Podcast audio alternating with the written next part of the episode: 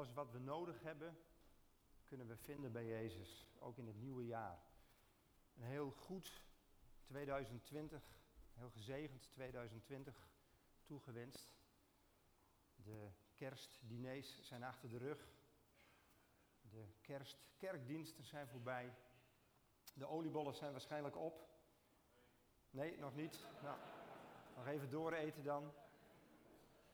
De rook van het vuurwerk is uh, alweer opgetrokken. De mist is alweer weg. En waarschijnlijk zijn er ook alweer een paar goede voornemens gesneuveld. Maar het is weer een heel nieuw jaar. 2020. Jaar des Heren 2020. Jaar des Heren. Want ook dit jaar wordt ons gegeven door God. Een jaar om lief te hebben. Een jaar om te genieten. Een jaar om op te bouwen. Een jaar om los te laten. Een jaar waarin we vreugde en waarschijnlijk ook weer verdriet zullen gaan ervaren. Een jaar waarin God ons leeftijd geeft. Tijd om te leven en tijd om God te ontmoeten. Tijd ook waarin wij geroepen worden door God. En tijd ook om elkaar te ontmoeten. De afgelopen maanden heb ik een boek gelezen uh, van Jonathan Sacks. Je schrijft het met S-A-C-K-S, voor alle duidelijkheid, Jonathan Sacks. En uh, dit is een Engelse rabbijn en het boek heet Een gebroken wereld heel maken. En achter op de achterflap van dat boek stond een, een, een, een motto. En dat was inspiratie voor mij voor deze overdenking. Op de achterflap stond: Leven is geroepen worden tot verantwoordelijkheid. Leven is geroepen worden tot verantwoordelijkheid. God roept ons tot verantwoordelijkheid, ook dit komende jaar. En dat doet hij al vanaf het begin van deze wereld. En ik hoop in deze preek duidelijk te maken dat, dat, dat, God, dat God ons roept tot verantwoordelijkheid, dat, we dat, dat ons antwoord daarop, dat dat leven en verantwoordelijkheid is. Op 15 december, jongsleden, sprak Gabriel Antonio hier. En hij sprak, het thema van zijn preek was, mens, waar ben je? En dat is ook uitgangspunt voor mijn uh, overdenking. Daar wil ik ook bij vertrekken. Mens, waar ben je? Dat was de eerste vraag die God aan de mens stelde. Mens, waar ben je? En dat was in de situatie dat Adam en zijn vrouw, uh, zeg maar, in zonde vervielen. En dat ze zich verborgen. En deze vraag, mens, waar ben je? Die echoot nog steeds door alle eeuwen heen, echoot die in het hart en in de gedachten van de mensen. Mens, waar ben je? In Genesis 3, vers 8, daar lezen we een stukje. En zij horen de stem van de Heere God, die in de hof wandelde, bij de wind in de namiddag. Toen verborgen Adam en zijn vrouw zich voor het aangezicht van de Heere God, te midden van de bomen in de hof. En de Heere God riep Adam en zei tegen hem, waar bent u? En hij zei, ik hoorde uw stem in de hof en ik werd bevreesd, want ik ben naakt. Daarom verborg ik mij. En hij zei, wie heeft u verteld dat u naakt bent?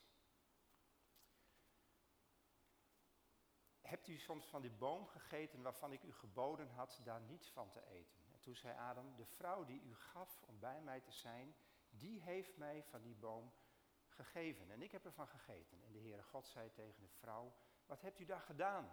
En de vrouw zei, ja de slang, die heeft mij bedrogen. En ik heb ervan gegeten. Wat een verdrietige en ontluisterende situatie. De mens, Adam en zijn vrouw staan daar naakt, kwetsbaar, beschaamd. Ze verstoppen zich bij het horen van Gods stem. Terwijl God wandelt door de paradijselijke tuin. En ik vraag me dan af, wat hebben ze gehoord? Zong hij een lied? Neuriede hij een deuntje? Want zij horen in eerste instantie zijn stem. En daar verbergen ze zich. En wat, wat verdrietig dat de stem, wat waarschijnlijk tot op dat moment het mooiste moet zijn geweest voor hun om te horen, de stem die hun tot leven heeft geroepen, dat het horen van die stem, dat dat een reden was voor hun om zich te verstoppen in de schaduwen van de bomen. Omdat ze zich schaamden. En ze kruipen weg. En dan roept God heel gericht, Adam, waar ben je? En dan stelt hij die vraag heel gericht. En wat is nou eigenlijk de betekenis van deze vraag? Wist God niet waar ze waren? Natuurlijk wist God waar ze waren. Wij kunnen met God geen verstoppertje spelen. Wij kunnen ons wel verstoppen, maar God ziet ons altijd. God ziet ons. Het is een beetje zoals een kind. Als een kind zich soms verstopt in het midden van de kamer onder een kleed. En dan denkt van, hé, hey, als papa en mama mij niet zien, of als ik papa en mama niet zie, zullen ze mij ook wel niet zien. Nou, en als dat dan een spel is, dan speelt een goede ouder, die speelt dat spel mee. En die zegt dan van, waar is, waar is ons kindje? Maar God ziet ons. Nee, de vraag van God, mens, wat ben je, heeft alles te maken met dat hij de verbinding weer zoekt. Dat hij, ondanks dat wij ons verstoppen, dat wij ons schuilhouden, dat hij ons roept. En dat hij ons roept om antwoord te geven. Hij wil de verbinding zoeken. Het gaat dus bij hem niet om de locatie van hé, hey, waar zijn ze nou? Hij raakt geen mensen kwijt. De God van de hemel en aarde raakt geen mensen kwijt. Maar hij stelt die vraag omdat wij onszelf soms ook kwijt zijn en hij wil de verbinding weer leggen. En dan vraagt hij aan, aan Adam en zijn vrouw, mens, waar ben je? En dan begint Adam zich te verontschuldigen.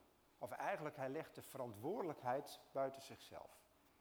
Hij zegt van ja, de vrouw, die heeft mij te eten. Hij legt de verantwoordelijkheid buiten zich. En dat doet de vrouw, die doet dat ook. Die zegt ook van ja, die verrekte slang, die heeft mij voor de gek gehouden. En bijzonder dat dit heel vaak gebeurt.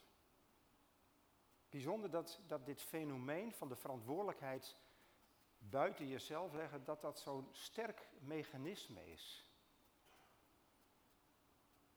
De laatste maanden hebben wij natuurlijk heel veel gehoord over hoe je verantwoord ja, met bijvoorbeeld het milieu om kunt gaan. En dat er een appel op ons gedaan wordt om, om daar rekening mee te houden. En dan verbaast het mij, als ik dan naar sociale media kijk, bijvoorbeeld hoe snel we onze eigen passiviteit soms verdedigen door te zeggen dat een ander ook niks doet. Een paar voorbeeldjes, hele onschuldige voorbeeldjes. Waarom zullen wij 100 km per uur gaan rijden, maximaal, als de Duitsers gewoon 130 blijven rijden? Waarom, waarom zullen wij heel zorgvuldig met plastic en met afval omgaan als ze in India vrachtwagens vol in rivieren kieperen? Heeft toch helemaal geen zin? Waarom zullen wij netjes onze belasting betalen? Als de Belastingdienst zelf er ook een enorm potje van maakt. Nou, waarschijnlijk kun je zelf ook wel van dit soort voorbeelden bedenken. En ik ben eerlijk hoor. Ik heb ook die neiging om mijn gedrag te verantwoorden of te verklaren aan de hand van het gedrag van een ander. Als ik heel ongenuanceerd uit mijn slof schiet, ja, dan komt dat natuurlijk omdat die ander zo irritant deed. Als je bijvoorbeeld naar, naar twee kinderen, als twee kinderen ruzie maken, dan is het altijd de ander die begonnen is. De ander, die heeft het gedaan. En dan is daar die vraag. Mens, waar ben je? Mens, waar ben je? Mens, waar ben je? Terwijl wij dus soms eerder lijken te kiezen voor de slachtofferrol, waarbij de ander het gedaan heeft, dan dat we onze verantwoordelijkheid oppakken. En we zijn geroepen tot verantwoordelijkheid. Daar gaat deze overdenking ook over. Want uiteindelijk, uiteindelijk hebben we vooral invloed op ons eigen gedrag. Vooral invloed op ons eigen gedrag. En het is belangrijk om te beseffen dat die vraag, mens, waar ben je, dat dat dus niet een algemene vraag is, maar een persoonlijke vraag. Het is een confronterende vraag, maar hij komt heel direct op jou af. Het is een confronterende, maar een persoonlijke, maar ook een vraag die betrokkenheid, waar betrokkenheid uit blijkt. En je kunt je eigen naam daarvoor invullen. Harm, Harm, waar ben je? Waar sta je in het leven? Waar sta je voor? Waar ga je voor? Waar voel je je verantwoordelijk voor? Stel je die vraag wel eens. Stel jij je die vraag wel eens aan jezelf. Waar sta ik voor? Waar ga ik voor?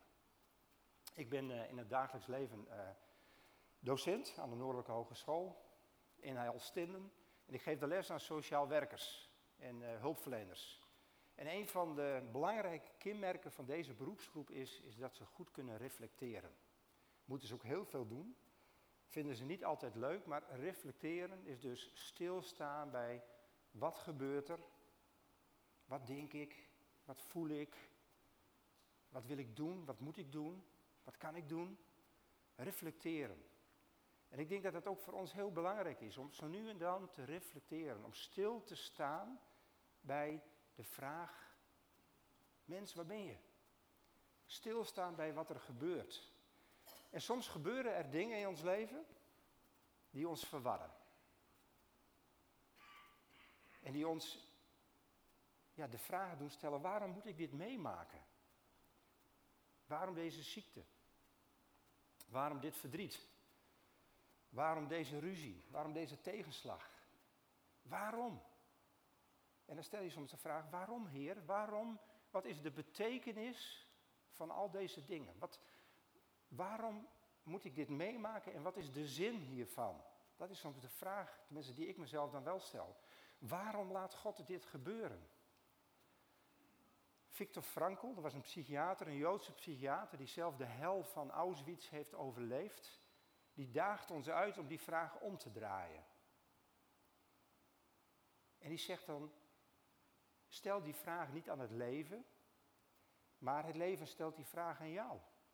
Nu jij dit meemaakt, nu jij in deze situatie zit, welke betekenis ga je eraan geven? Welke zin ga jij eraan geven? Vanuit de overtuiging dat je onder alle omstandigheden nog steeds een keuze hebt. Dus hij zegt, draai het om. Nou, de tijd zo rond de jaarwisseling. Het is de eerste zondag van het nieuwe jaar. Zo, zo de tijd rond de jaarwisseling is een tijd die tot reflectie uitnodigt. Terugkijken. We kijken als het ware door het venster van de tijd. En dan kijk je door het venster en dan kijk je terug naar 2019.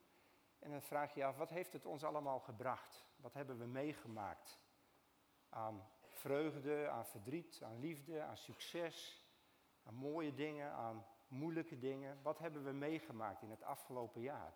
En je kijkt door het venster naar 2020. Wat zal het ons brengen?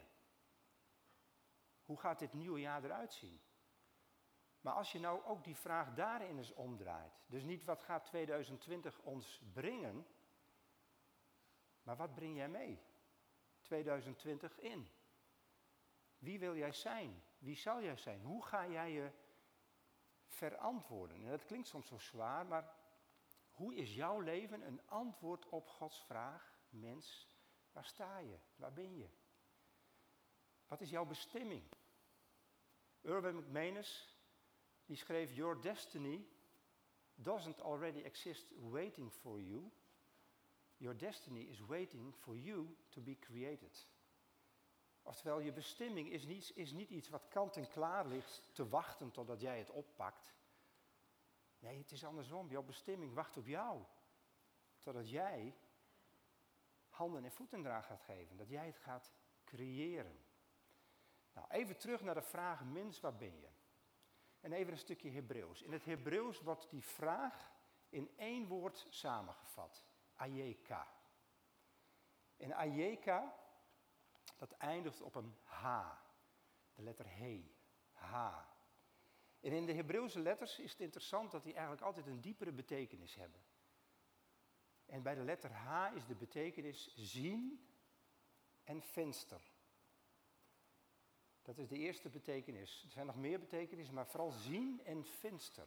Dus op het moment dat God roept van mensen, wat ben je? Zegt hij eigenlijk van, ik wil je zien. Verberg je niet voor mij. Ik wil je zien. In het Hebreeuws wat het van rechts naar links moet je het dan lezen. En het kenmerkende van een venster, dus als we even, even inzoomen op die betekenis, het kenmerkende van een venster is dat je er van twee kanten doorheen kunt kijken. Het verbindt twee werelden.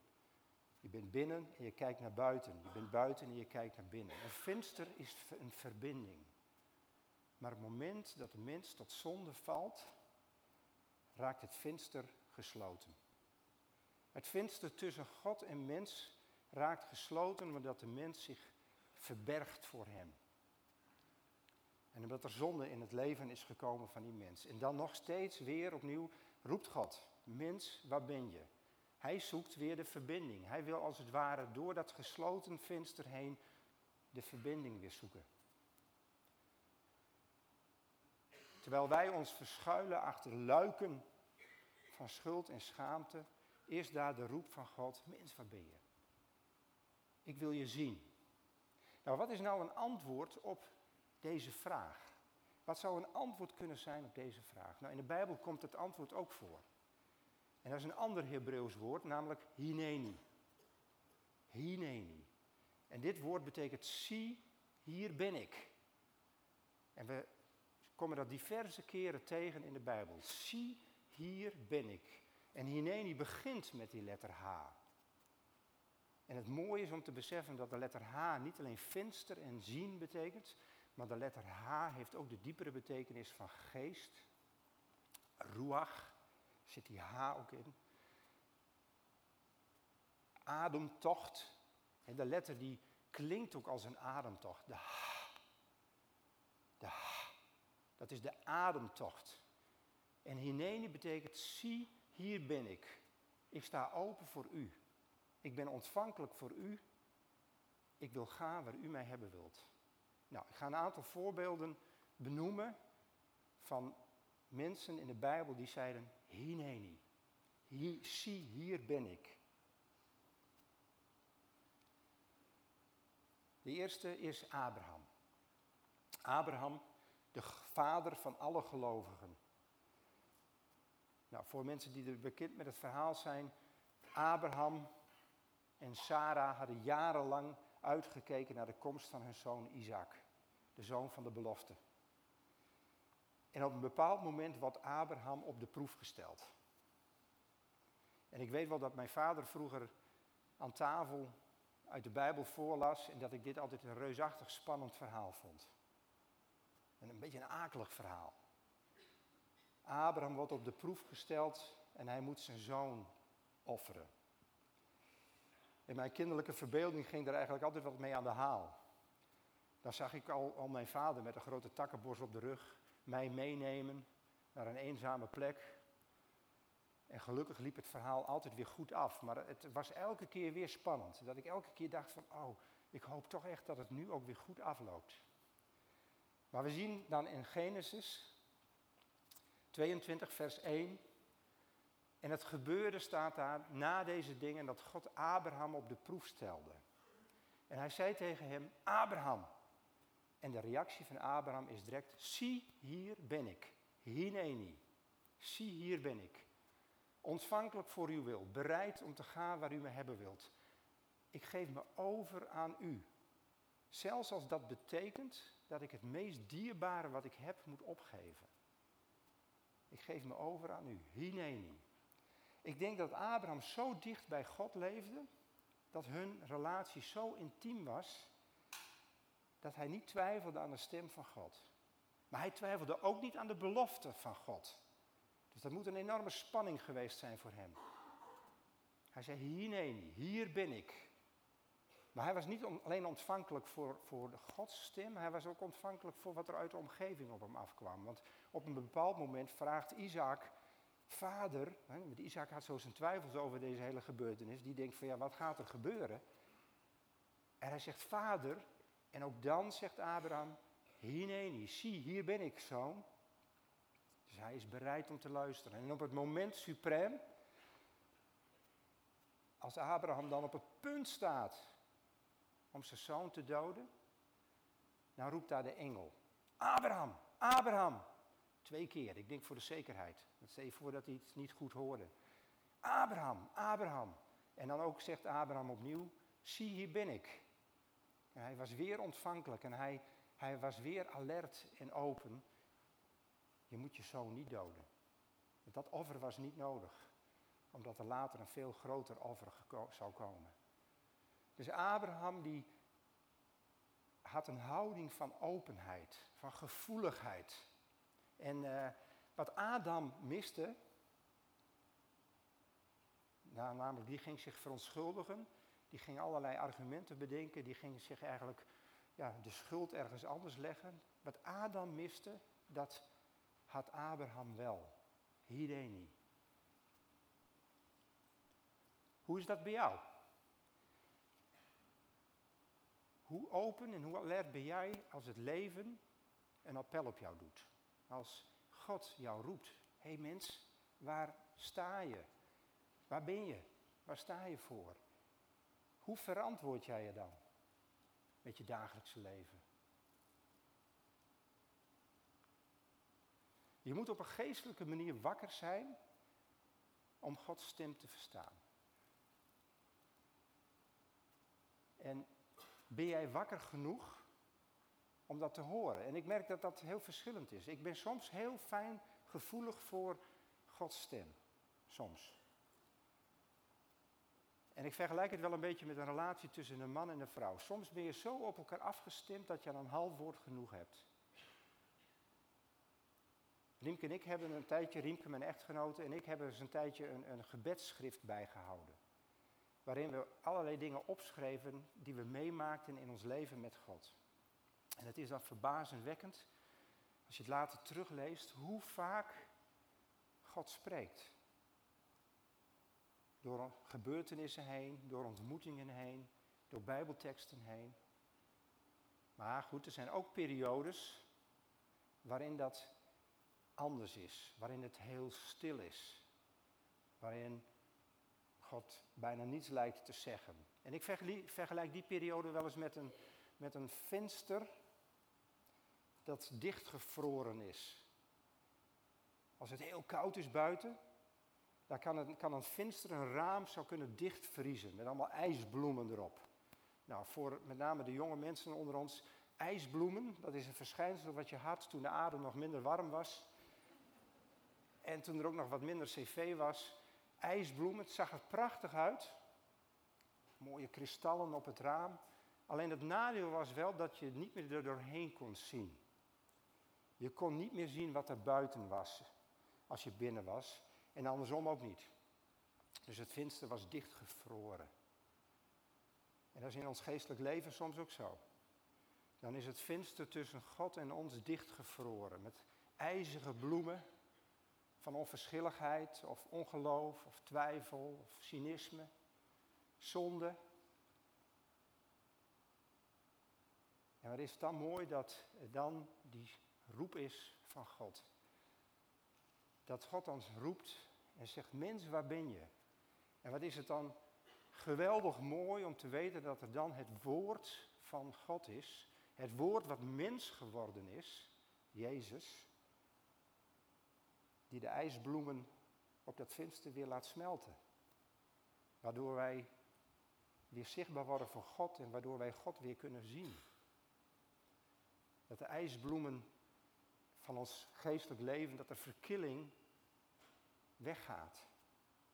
Nou, ik wil nog één ander voorbeeld ook noemen. Mozes. Mozes, die werd ook geroepen door God. En die reageerde ook met Hineni, zie hier ben ik. Mozes was al jaren in de wildernis, schaapherder. En op een bepaald moment ziet hij een braambos, een doornstruik, ziet hij branden.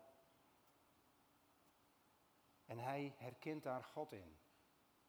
Hij hoort God roepen, Mozes, Mozes. En Mozes reageert met, Hineni, zie, hier ben ik. En zijn antwoord op God was het begin van een enorm avontuur. Van jarenlange avontuur van de bevrijding uiteindelijk van het Joodse volk uit Egypte naar het beloofde land toe. Hineni, zie hier ben ik. En Mozes had natuurlijk jaren in de wildernis geleefd. En die had geleerd door de stilte en door de eenzaamheid, had hij geleerd om Gods stem te verstaan en ook te herkennen in het alledaagse. Want ja, God die spreekt vanuit een brandende braamstruik. Je moet er maar oog voor hebben. De dichteres Elizabeth B. Browning schreef: De aarde zit boordevol hemel. En elke struik, hoe gewoon ook, staat en ligt de laaier van God. Maar enkel hij die het ziet, doet zijn schoenen uit en de rest zit eromheen en plukt bramen. God roept ons op een bijzondere en onverwachte wijze, die meestal vermomd gaat in het alledaagse. God roept ons heel bijzonder, maar het is vermomd in het alledaagse. The sacred moments, the moments of miracle, are often the everyday moments. Dus de momenten van, van wonder, de heilige momenten, die zijn vaak heel alledaags. Dus als God je roept, is het vaak in het alledaagse. En God spreekt tot ons in het alledaagse. God spreekt tot jou in het alledaagse. En ons antwoord mag dan zijn, hineni. Hoe spreekt God tot jou? Op het moment dat je iets wat je dierbaar is moet loslaten. Hoe spreekt God tot jou als je alleen bent in de natuur? Hoe spreekt God tot jou op het moment dat je niet kunt slapen en wakker ligt in de nacht? Hoe spreekt God tot jou op het moment dat je naaste, degene die je lief heeft, iets van je nodig heeft? Hoe spreekt God tot jou als een vreemdeling een beroep op je doet? Hoe spreekt God tot jou als de schepping zegt, hou alsjeblieft een beetje rekening met me, zorg voor mij? Hoe spreekt God tot ons? God, dat is een citaat uit het boek wat ik gelezen heb, God gebiedt in algemeenheden, maar hij roept in bijzonderheden. Hij kent onze talenten en hij kent de noden van de wereld. Daarom zijn wij hier. Er is een daad die alleen wij kunnen verrichten en alleen op dit moment. En dat is onze opdracht. De optelsom van deze opdrachten is de zin van ons leven. De bedoeling van ons bestaan. Het verhaal dat wij geroepen zijn te schrijven. Gods oproep, zijn appel, is bijna niet te horen. Het is de stem van een zachte stilte die wij alleen kunnen horen als we luisteren. Maar Hij is er. En als wij op gezette tijden in ons leven een stilte in de ziel creëren, dan zullen wij Hem horen. Er bestaat geen leven zonder opdracht. Geen mens zonder talent. Geen situatie zonder de mogelijkheid om het bijzondere te doen. Geen moment waar geen appel van uitgaat.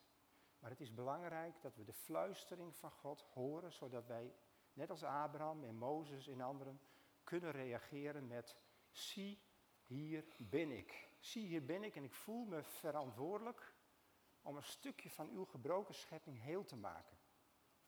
Zie, hier ben ik, ook in het komende jaar. Betekent dit, betekent dit dat, dat wij op een perfecte manier voor God aan het werk moeten? Nee, natuurlijk niet. Niemand is volmaakt, behalve God. Zelfs de koning sprak daar al over in zijn kerstrede. We hoeven niet voor perfectie te gaan. Het is je verantwoordelijkheid oppakken betekent dat je bereid bent om te antwoorden op de vragen die op je afkomen in het leven. Vragen die via de ander gesteld worden. Niet wegkijken, je niet verontschuldigen, niet vanuit een soort valse bescheidenheid van ja, wie ben ik en dan maar aan de zijlijn blijven staan. En niet vanuit slachtofferschap de schuld bij de ander leggen. Het is niet onverantwoord om iets niet helemaal goed te doen. Het is onverantwoord als je het goede helemaal niet doet. Het is niet onverantwoord als je beseft dat je beperkingen en tekortkomingen hebt. Maar het is onverantwoord als je iets, als je op een perfecte manier niets doet. Als je niet reageert op de vraag van de ander en als je je doof houdt voor de vraag van mens, waar ben je? Tot slot. Het begrip hineni. En de bind mag vast naar voren komen, want dit is echt mijn tot slot. tot slot, het begrip hineni is niet alleen maar onze reactie naar God toe. God zij dank niet. Het is ook zijn reactie naar ons toe. In Jesaja 58 lezen we in vers 9, dan zult u, dat zijn wij, de mens, zult u roepen en de Heere zal antwoorden. Dan zult u om hulp roepen en hij zal zeggen, zie hier ben ik, hineni. En ik kan je echt aanbevelen om dat hoofdstuk 58 uit Jesaja, om dat eens te lezen. Want dan zul je ontdekken dat zijn hineni en onze hineni, dat die heel veel met elkaar te maken hebben. In je hoofdstuk 58 van Jesaja, wat, dat is een vlammend betoog tegen schijnvroomheid. En het is een vurig pleidooi voor het strijden voor rechtvaardigheid en barmhartigheid. En het spreekt over het losmaken van boeien en banden. Over het voeden van de hongerigen. Over het gastvrij thuisbieden aan mensen die thuisloos zijn, die dakloos zijn. Het kleden van de naakten. Dan staat er zo prachtig, als je dat doet, als je dat doet, dan zal het licht doorbreken als de dageraad. En herstel snel intreden. En gerechtigheid zal voor ons uitgaan. En de heerlijkheid van de Here zal onze achterhoede zijn. Hoe mooi is dat? En ik herken in deze woorden van Jesaja de woorden van Jezus. Als hij spreekt over het kleden van de naakten en het voeden van de hongerigen en het bevrijden van de gevangenen. En hij attendeert ons erop dat als wij dat doen voor iemand anders, voor onze naaste, dat we het aan hem gedaan hebben. Jezus is Hineni. Richting zijn vader als hij zegt, zie hier ben ik, uw wil geschieden. Op het moment dat hij weet dat hij zijn leven gaat geven. Zie hier ben ik, Hineni. Maar het is ook Hineni richting ons. Als hij zegt van, ik ben met jullie. Zie, ik ben met jullie. Alle dagen tot aan de voleinding van deze wereld. Hij is God met ons. Hij is hier bij ons. Elke dag opnieuw zegt hij, zie hier ben ik. En elke dag opnieuw mag jij antwoorden met, zie hier ben ik. Wat een ontmoeting. Hij, Jezus, is het venster waardoor God en de mensen weer met elkaar verbonden zijn. Hij is degene die de kille ijsbloemen van onverschilligheid en isolement en ongeloof laat smelten. Hij is degene die de luiken van zonde breekt en open doet. Zijn licht van liefde en genade en vergeving laat, naar binnen laat stromen. Hij is degene die de luiken open doet en ons bij de hand neemt en ons uitnodigt om in het volle licht met Hem te dansen. Hij is Hineni, zie hier ben ik. Hij is Emmanuel, God met ons. En in de Hebreeënbrief, hoofdstuk 10, vers 7 staat, zegt Jezus tot ons, toen zeide ik, zie hier ben ik. In de boekenrol staat voor mij geschreven, om uw wil, o God, te doen. Zie hier ben ik. We hebben een heel jaar voor ons liggen. We hebben nog 361 dagen vol met mogelijkheden, met kansen, met gelegenheden. Mens, waar ben je? Mens, waar sta je voor? Waar ga je voor? Dat is de vraag die God aan ons stelt. En wij mogen zeggen, zie hier ben ik. Heel eenvoudig in ons dagelijks leven. En de eerste vraag is dan niet, leef ik voor mezelf? Nee, ik leef ook voor de ander. En mijn vraag is niet, kan ik een zegen, hoe kan ik een zegen ontvangen? Nee, hoe kan ik een zegen zijn? Hineni, zie, hier ben ik. Met mijn talenten, kwaliteiten. Zie, hier ben ik, Heer. Laat mijn leven een antwoord zijn op uw vraag. Zie, hier ben ik, wetende dat u mij wilt ontmoeten op de plaats waar ik ben en u mij zult brengen op de plaats waar u wilt dat ik zal zijn.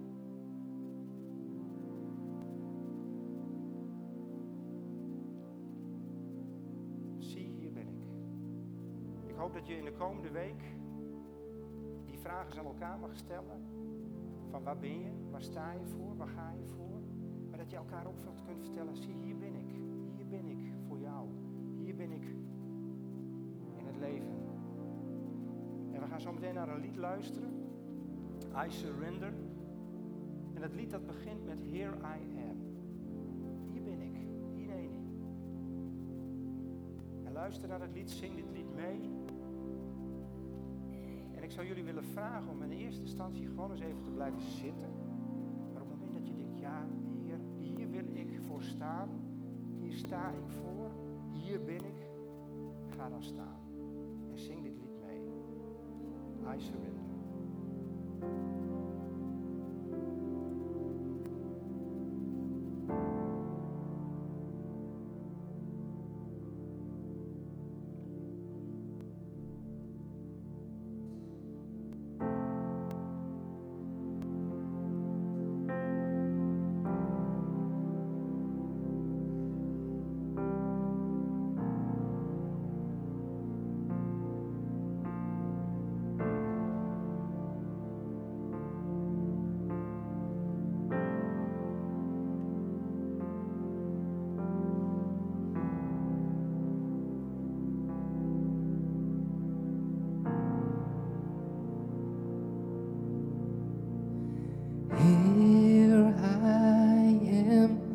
Down on my knees again, surrendering all,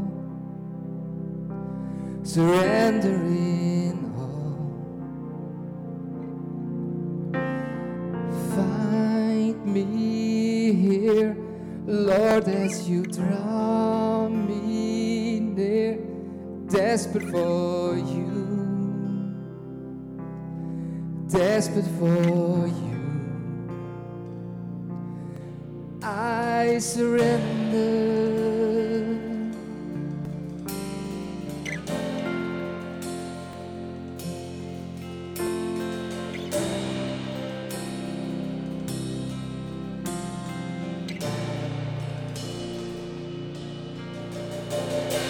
Bless my soul as mercy and grace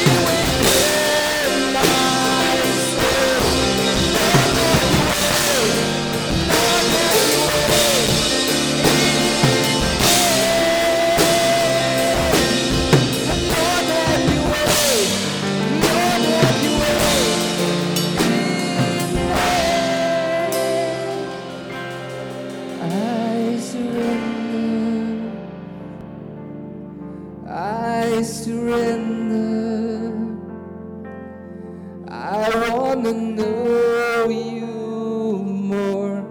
I wanna know